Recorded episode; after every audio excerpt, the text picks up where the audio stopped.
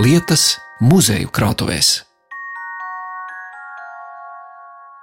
Nīcas bruņķis mums vesela strīpa. Vesela tāda strīpa. Un katrs tas bruņķis citādāks. Nekad nebūs tā, ka Nu, bet viss ir ķieģeļi sarkani. Tas jā, bet tās Tie līnijas, raksti, tie tās- raksti ir Re, te tā puķītes. puķīte, jā. Šeit ir tādi tā kā zelkša zīmes vai tādi krusti. Bet visiem tās malas ir. Jā. Ko viņi tur lika iekšā? lai Tur ir tā- satīts līns. Tīts vairākas Ā. reizes un nošūts, un viņš tāds stingrs. Smags, es esmu vienreiz uzvilkusi, domāju, ka ātrāk tikt ārā. Tik smags viņš bija. Cik Ar kilogramu? visu villaini. Viens svārks ap 3 kg ir. Viens svārks. Tikai Bruncis. viens. Un tiem bruņķiem cik gadi ir apmēram? No vairāk par simtu. Nīcas bruņķi kupli kā siena gabanas rindā karājas uz stieņa, jo šādiem svārkiem nav pietiekami dziļu skapju. Tā staigājot pa liepājas muzeja tekstīlī krātuvi, skaidro muzeja vēsturniece Antra Brakše. Šajā raidījumā kopā ar viņu skatīsim traukus no reiz lepnās Pēterburgas viesnīcas, lādi no liepājas bāreņu patvērsmes un ziedu pušķus darinātus no gliemežvākiem. Liepājas muzeja vēsture ir sena. 1919. gada oktobrī Liepājas 4. pamatskolā tiek izveidota izstāde iz latviešu senatnes. Tās iniciators un iekārtotājs ir jaundibinātā Liepājas Latviešu mākslas veicināšanas biedrība, kuras pirmais priekšsēdētājs ir Jānis Sudmalis, kurš jau pirms tam bija vācis priekšmetus, lai saglabātu kultūrvēturisko mantojumu. 1924. gada 30. novembrī oficiāli tiek atklāts Liepājas muzejs un par tā direktoru ievēl Jāni Sudmali. Tad, kad viesojos krātuvēs, arī lūdzu krājumu glabātājiem, vai viņi man var parādīt inventāru grāmatas, jo vienmēr ir interesanti izlasīt, kurš ir bijis pats pirmais krājuma priekšmets, kas ir datēts. Vai jums arī ir šādas grāmatas, un mēs tad varam Mums ir milzīgas, pirmās grāmatas, mums ir milzīgas villaini Tā, tā grāmata ir milzīga izmēri. Un tagad mēs skatāmies villaini ar zvaigžņotu rakstu. No kurienes? Pērkone. No kā priekšmets iegūts? Komisijas veikalā. Gads un mēnesis 1925. gads. Un šī priekšmeta vērtība toreiz ir novērtēta ar 40 latiem. Tie ieraksti grāmatā nav no muzeja pirmsākumiem. Jānis Sudmals tikai vēlākos gados sāka. Šeit tā sistematizēšana ir vienkārši veikta vēlāk. Tie priekšmeti ir bijuši, bet viņi nav bijuši tik Ā. uzskaitīti. Un tad, kad viņš ir sācis uzskaitīt, tad viņš ir izdomājis, ka pa priekšu sarakstīs villains, tad tur tālāk liekas, ir dati. À, jo te tie gadi lēkā, es Viņš ir skatos. iesācis ar etnogrāfiju, jo tā etnogrāfija viņam bija ļoti tuvu. Mēs atveram pēdējo lapu. Šai grāmatā atrodas cauršņorētas, numurētas 301 dubulta lapas puse Liepājā 1952. gada 24. jūnijā Liepājas pilsētas kultūras un izglītības daļas vadītāja parakstīsies. Bet pie ļoti daudziem priekšmetiem šiem etnogrāfiskajiem ir piezīmes. Aizvests uz Vāciju 1945. gadā. Jā, liela daļa arī krājuma bija iemūrēti Annas baznīcas pagrabā, ko Jānis Sudmals uzskatīja, kas būtu nu, nu, nu tā, ka obligāti pa katru cenu, ka viņi nedrīkst pazust. Tur ir liepājas pilsētas tiesības bijušas, jo nevar jau zināt, tas muzejs te viņš ir. Un tā viņš tikpat labi tiek sabombardēts un viss sadeg. Tāpēc kaut kā tāda Tur nebija gluži visas mantas izvestas, bet tās, ko viņš uzskatīja par svarīgākām, tās, kuras par liepājas vēsturi tieši liecina. Nu, un šeit ir, jā, pēc tā kara, acīm redzot, ir bijuši, nu, kad ir pārbaudas bijušas, ir bijušas tās mantas vai nu pazudušas, viņš nav varējis atrast, viņam ir arī kaut kādās atmiņās, kur viņš stāsta, ka vācieši ir tā ienākuši, viņam šis patīk, viņš paņem, nu, vienkārši un aiziet. Viņam, nu, nu nebija tā, ka tāda pietāda bija pie tā muzeja, ka te nevajadzētu neko aiztikt. Tāpēc pēc tā kara ir tā, ka daudzas manas nav viņas vairāk. Tik tālu par krājuma ierakstiem, bet tagad ir pienācis laiks aplūkot priekšmetus, kas te glabājas. Antra Brakše uz galda ir izlikusi nozīmītas, kas ir gatavotas 1925. gadā. Jūs no mazām, baltām, salocītām aploksnītēm esat izņēmusi trīs dažādas nozīmītas. Un tad es lūkšu pastāstīt par šiem maziem metāla nieciņiem. Te uz visiem ir liepājas pilsētas ģerbonis. Jā, lauva un liepa. Bet es skatos uz visām šīm aploksnēm, trijām ir rakstīts 1925. gads. Jā, tas ir no tie 300 gadi. Liepājai tad bija 300 gadi. Šīs nozīmītas es e, apskatījos un sāku skatīties, kas viņas ir darinājis. Tad mēs nonācām pie tāda cilvēka, kā Ludvigs Cauna viņas ir darinājis. Un viņš ir strādājis pie zelta kaļa tāds glāzenaps. Viņš ir arī darinājis karotes un visādas piemiņas zīmes, viss, kas ar metālu saistīts. Ir otrā lielākā ražotne Latvijā bijusi. Mums arī ļoti daudz ir arī karotī. Nu, tāda karoša komplekta viņš ir no tā glāzenapa. Viņš vispār liepājai daž dažādas. Te ir viņi uzrakstījuši tam. HV glāzenaps Liepājā graudielā 54. Tad tas ir viņa veikals. Jā, Es saprotu, mēs runājam par starpkaru Latviju. Ja? Jā, jā, bet viņš ir arī no 12. gada, ja viņam ir tā ražotne liepājā. Runājot par šīm eh, nozīmītēm, kas uz Liepājas pilsētas Mhm. 300 gadi bija, kam tās nozīmītas piešķīra? dalībniekiem šīs. Un šī tā vispār ir tikai sagatavīta. Un mēs paskatījāmies, šo sagatavīti ir, to zīmēm veidojis ir eh, Liepājas mākslas skolas pirmais direktors Hermans Aplociņš. Tā es skatos uz tādu nelielu plakanu metāla četrstūri, kuras redzu tautumeita tur ir. Tautumeita. Tur rokā lauru jā, vainagu. laura. Fonā viņai liepāja.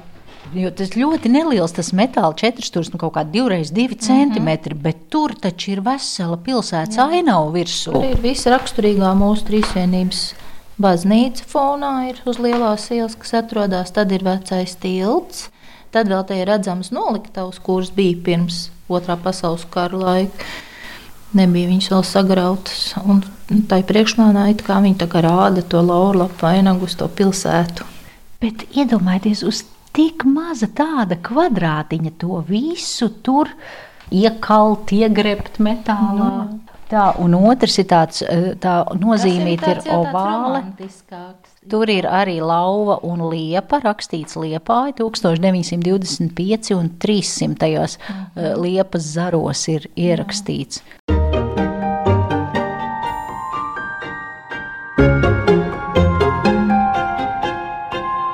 Vietu lietas. 19. gadsimtā Liepāja kļūst par industriāli attīstītu centru. Te uzbūvē vairākas rūpnīcas, skolas. 19. gadsimta 70. gados izbūvē dzelzceļa līnijas, kas savieno Liepāju ar Daugaupili un Poltavas pilsētu Ukrainā. Un toreizējā Lībavā arī paceļas vairākas greznas viesnīcas. Dārgākā no tām ir viesnīca Pēterburga. Tāda krējuma kanniņa no Pēterburgas viesnīcas. Kas tas ir par materiālu? Šis ir sudrabs. sudraba, Jā. tāda krējuma vai Jā. piena, nu, bet izskatās tā kā no leļu servīzes. Jā, tas bet ir dažot vienai personai klāt, kad nu, aiznes tēju vai kafiju, tad tur klāt ir kāds maziņš trauciņš, un šeit arī ir kanniņa. Un tur ir kaut kas Arī Pēterburga, Hotel Pēterburga, Libau. Kad 7-8 cm augsta kafija kāna ar izliektu smīpi, darināta sudrabā un tādu savulaik vienā no liepājas viesnīcām. Tad viesnīca saucās Pēterburgā. Nu šī es saprotu, ka ir pirms Pirmā pasaules kara, jo tur ir rakstīts Hotel Pētersburg Libau. Bet mēs skatījāmies arī ieraksts ir avīzēs, kur sašuts latvietis ir Latvijas laikā bijis viesnīca apmeklējis, un viņš bija sašuts, ka uz kandiņām visur ir rakstīts vācu valodā. Vai nu viņas ir palikušas tādas, saglabājušās vēl, vai arī tik ļoti patikusi tā vācu valoda, ka ir atstāts vācu valodā tas uzraksts. Var jau būt, ka viņas vienkārši nu, nav mainījies tas inventārs un ir palicis vēl no gadsimta sākuma. Šī teikrīt ir no hotela tā, tur ar- Pēterburga. Šī vispār interesanta karotīte. Viņa ir atrasta šķūnītī aizbāztais malks bijusi. Hotel Pēterburg Jā. Libau tāže. Pirmā, Jā. Bet vai tas nozīmē, ka tas ir iegravēts, vai, lai saprastu, kurā stāvā, Nu, kurām restorānām? Uz karotītes ir iegrabts pirmais etāža, pirmais stāvs. Uh -huh. Tad tajā viesnīcā, vai jūs esat, jums ir kaut kāda informācija, tur bija pirmā stāvā kaut kāda kafejnīca, otrā stāvā restorāns. Tur bija apkalpošana arī numuriņos. Es domāju, varbūt tāpēc bija iezīmēts. Pirmā stāvā bija restorāns, jā, tur bija arī tāds dārzs, terass. Mums ir arī atklātnīca ar tiem skatiem, kur dāmas sēž pie galdiem smalkiem. Senu atklātnīti ar lepnās viesnīcas interjeru jūs, klausītāji, kuri izmantojat internetu, varat arī aplūkot mūsu radio interneta vietnē pie šī raidījuma apraksta. Un turpat ir redzami arī minētie sudraba trauki, kā arī pagājušā gadsimta sākuma posma foto ar jaunu sievieti Nīcas tērpā. Stāstu par nīcenieci Ilzi Silts Ruiku ierakstu tekstīliju krātuvē. Tā, mēs tagad ejam stāvu augšu, skatīties uz tekstīlijām. Es... Uz tekstīlu, etnogrāfiju, etnogrāfiju. Ā, te visi logi ir aizklāti arī, lai neizbalē. Jā, jā, jā.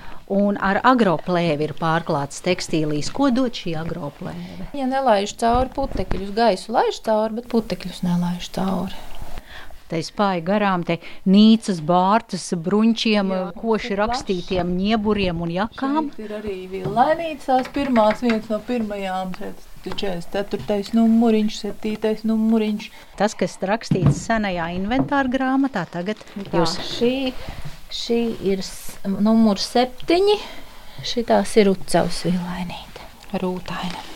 Zilām, sarkanām, zaļām rūtīm un mala ar atlasu, vai tas jau nav atlases, lenta. Zīda lentīte, tā ir bijusi. Viņa bija padilusi, tā jau tika dažu vietu viņa vairs ir Ar, palikusi. ar Un gaiši zaļa zīda lenti, Jā, apdarināta villaina. Tāda rucava ir raksturīga. Ko jūs vēl? Rucavnieces vispār ir tādas, ka viņas ilgi valkāja tautu stērpu. Ļoti ilgi.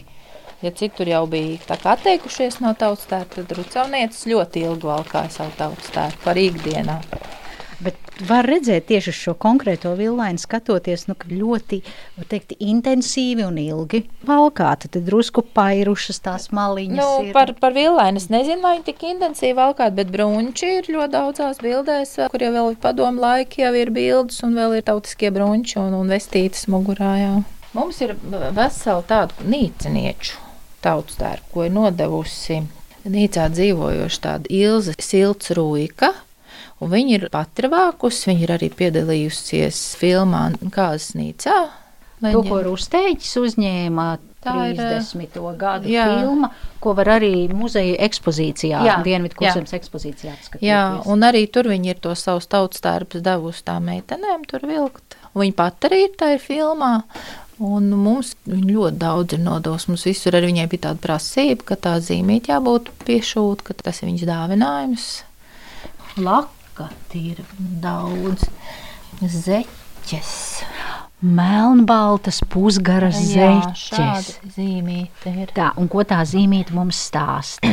ka to zeķīti ir muzejam dāvinājusi Ilze Silts Rūika. Nevis tā, ka viņa pati būtu pieteikusies atdot muzejam, bet bija ekspedīcijas, agrākos laikos brauca pa rajoniem, vākt mantas, apzināt, kādas varētu būt etnogrāfiskās. Tad mums jau tagad strādā Uljana Gintnere. Pēc ilgām un pārliecinošām pārunām viņa bija ar mieru dāvināt to visu savu lielo krājumu. Ā, muzejam. tad muzeja darbiniekiem vajadzēja pierunāt šo sievieti, lai viņa Nu, atdod. viņa, jā, viņa vienā dienā, nu, kā man pat ir Uljana stāstījusi, viņa teica, vienu dienu viņa tā kā piekrita, citu dienu atkal tā kā nē, bet tad atkal pārdomāja, ka jā. Ikvienam, kurš vēlas tuvāk iepazīt Nīcas vēsturi, neaizstājams palīgs ir Jēkaba Janševska grāmata Nīca, kas ir izdota 1928. gadā. Rakstnieks rūpējās, lai viņa grāmata būtu pēc iespējas bagātāk ilustrēta. Pavisam Nīcā ir ievietoti 56 fotoattēli, un divos no tiem ir redzama stalta nīceniece. Pirmajā fotoattēlā viņa ir tērpusies jaunavu svētdienas apģērbā, otrajā, kā Nīcā reiz teica, pilnā godu greznībā. Tas ir baltā villainē un zīļu vainagā. Ilze Ruika, toreiz meitas uzvārdā Silts, 1912. gadā fotogrāfijas bija iedevusi kādam Janševska draugam, kurš pēc rakstnieka lūguma ir vācis fotogrāfijas topošajai grāmatai. Mīlēdama un turēdama godā sava novada vēsturi, Ilze Ruika visu mūžu bija vākusi Nīcas tautastērpam piederošos apģērba gabalus - krekli, bruņķi, ņieburi, jakas, villainas, vainags, lakatis, aktas, kurpes - pavisam 141 eksponāts, un šo bagātību viņa uzdāvināja Liepājas vēstures un mākslas muzejām. Tā 1981. gada decembrī Liepājas reģionālajā laikrakstā Ļeņina ceļš rakstīja pieminētā muzeja speciāliste Uljana Gintere.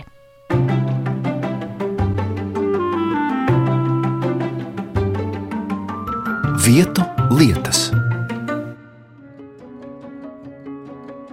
Tālāk mēs dodamies uz nesen atklāto Hojeras kundzes viesu namu, interjera muzeju, kurš ir iekārtots restaurētā 17. gadsimta celtajā ēkā, kas savulaik ir kalpojusi kā viesnīca.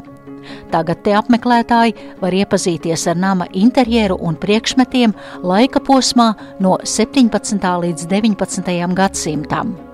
Muzeja vēsturniece Antra Brakše mani ved uz šo namu, jo tagad ekspozīcijā vietu ir atraduši muzeja krājuma priekšmeti. Skatos uz milzīgu, garenu lādi ar skaistiem metāla apkalumiem, koka lādi, un tur ir rakstīts EJHB 1704. gads. Kas, ko tas liecina? Par tiem burtiem mēs nezinām, kam tā lāde ir piederējusi. Bet šī lāde Liepājas muzejā nonākusi. Mums Liepājā bija tādi divi mecenāti, kuri savus līdzekļus bija novēlējuši bāriņu patversmei. Bet tā bija viņa tāda sponsorēta iestāde, kurā mācījās puikas. Viņi nebija gluži no nabadzīgām ģimenēm, bet kuriem vecāki bija diezgan turīgi, bet viņi nevarēja tos bērnus audzināt. Vai nu tur mammas bija mirušas, tad tā ģilde vai tāds un te viņi palīdzēja tiem bērniem skoloties. Par kuru laika posmu mēs runājam? Tas ir 19. gadsimta sākums, 18. gadsimta beigas. Un šī lāde ir ilgstoši glabājusies tajā patversmē. Tad, kad viņu 20. gadsimta sākumā vēl viņi tā kā pastāvēja, bet pēc tam jau tur bija reorganizācijas, tad viņi nonāca muzeja krājumos. Tā viņa visu gadus pie mums ir glabājusi, bet viņi bija pilnīgi citā tonī tumša, pelēka, nu kā jau puteklis krājies gadsimtiem. Un tad, kad viņi atver pēc restaurācijas, es domāju, kas tā par lādi? Es viņu neatpazinu. Viņai tāds spilgts tonis. Nu, viņa tāda brūnā, jā, tādā kastaņkrāsā. Spilgta, spilgta, jā. Uzziņai 1798. gadā par liepājas tirgotāju Vites un Hīkes atstātajiem līdzekļiem atver bāriņu namu un skolu, kas pastāv līdz 1915. gadam. Pēc nodibinājuma oficiāla priekšraksta bāreņu namā var tikt uzņemti gan pilnīgi bāreņi, vai arī bez tēva vai mātes palikušie, liepājas lielās vai mazās ģildes pilsoņu dēli, kas bija sasnieguši septīto dzīves gadu. To papildinot, direktorija vēlāk izdeva priekšrakstus, ka bāreņu namā bez iebildumiem ir jāuzņem arī šķirto laulāto pāru bērnus, bet atkārtotas tēva vai mātes laulības gadījumā zēns tiek atdots ģimenei. Pie uzņemšanas ir jāņem vērā, ka pirmām kārtām ir jāuzņem vistrūcīgākie pretendenti. Bāreņu nama mērķis, ņemot vērā tā dibinātāju gribu, ir audzēkņus līdz pilnam 15 gadu vecumam uzturēt, apģērbt, apgādāt ar mācību līdzekļiem, audzināt, balstoties uz kristīgiem pamatiem, nodrošinot ar zināšanām un spējām, kuras tiem dos iespēju kļūt par derīgiem, vajadzīgiem un godīgiem sabiedrības locekļiem. Hojeras nama otrajā stāvā interjers ir ierīkots atbilstoši 19. gadsimta otrajai pusē, kad te dzīvoja notāra Kristofa Vilhelma Stendera radinieki. Mēs ieejam ēdamistabā, kas iekārtota pēc tā laika turīgu pilsoņu gaumes, un centrālā mēbele te ir smagnēja bufete. Stenderu ģimenes ēdamistabā. Jā, bufete šī ir. Tā ir no liepas. Grūti pateikt, ka tāda bufete tik grēzna ir agrāk atradusies.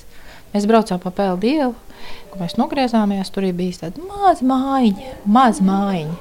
Bildēs ir. Un es paskatos, viņi nāks no tās domāju, kā var tik grēzna bufete būt tādā, bet tai mājiņā savulaik Latvijas laikā. Tur ir konfekts, māja ražotājs ražojis, taisījis. Tad viņš ir atļāvies? Viņam, jā, viņam ir bijusi tāda bufete mājā. Par saudabīgu gaumi 19. gadsimta otrajā pusē liecina uz bufetes novietotie mākslīgo ziedu pušķi, raibas kruzuļainas puķis, kas ir darinātas no neparasta materiāla. Par to stāsta Antra Brakše un interjera muzeja vadītāja Ieva Dzintare. Ziedu dekora kupoliņos arī ļoti interesanti, jo tie ir veidot no gliemežvākiem. Tie ir krāsot gliemežvāki. Liepais gliemežvāki. Tā, es skatos šobrīd uz divām ziedu buķetēm vāzēs, un tās abas buķetes ir paliktas zem stikla kupola. Un man šķita, nu, plasmas nē, bet mēs runājam par senāku laiku, kad plasmas vēl nebija izgudrota. Ziedi. Tur bija ļoti modē 19. gadsimta beigās, 20. sākumā. Bija ļoti modē šādas kompozīcijas. No gliemežvākiem Jā. tieši. Jā, un arī ir no papīra taisīts, nu, tā kā mākslīgās puķis, bet bija tieši moda un tieši tie kupoli virsū.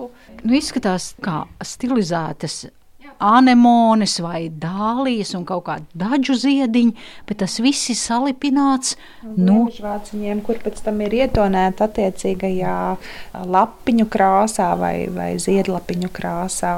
Ļoti, ļoti smalks filigrāns darbs. un zem kupola tāpēc, lai putekļi nesakrātos starp tiem gliemežvāciņiem. Arī, un lai vienkārši ilgāk saglabātos šis ten, vēsturiskais priekšmets, viņš kaut kādā mērā tiek pasargāts no tās apkārtējās vidas, kas Jā, jā, es domāju, arī ja viņš strāvētu, piemēram, interjerā, ja kāda notīrīs tos putekļus, tad ir birsti. Tur tā ļoti, ļoti, nu tad jau var noraut netīši kā tur to gliemežu vāku. Viņi arī tā ir paredzēti uzreiz zem kupola. Tā A, viņi- arī tad, Jā, 19. jā, jā, arī gadsimtā, tad viņi zem uzreiz jau kupola. zem kupola paredzēti. Jā, tādi. Vai kādai neuzmanīgai kalponei vai mazam ģimenes draiskulim, kas šādu rotājumu varētu apgāst.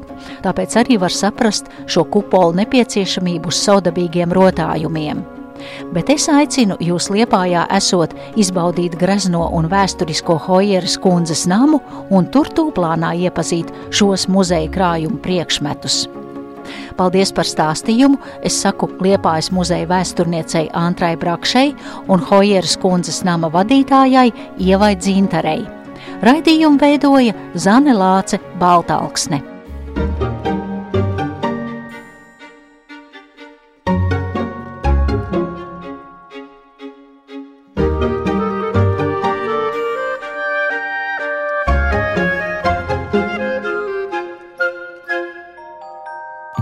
Lietas muzeju krātuvēs.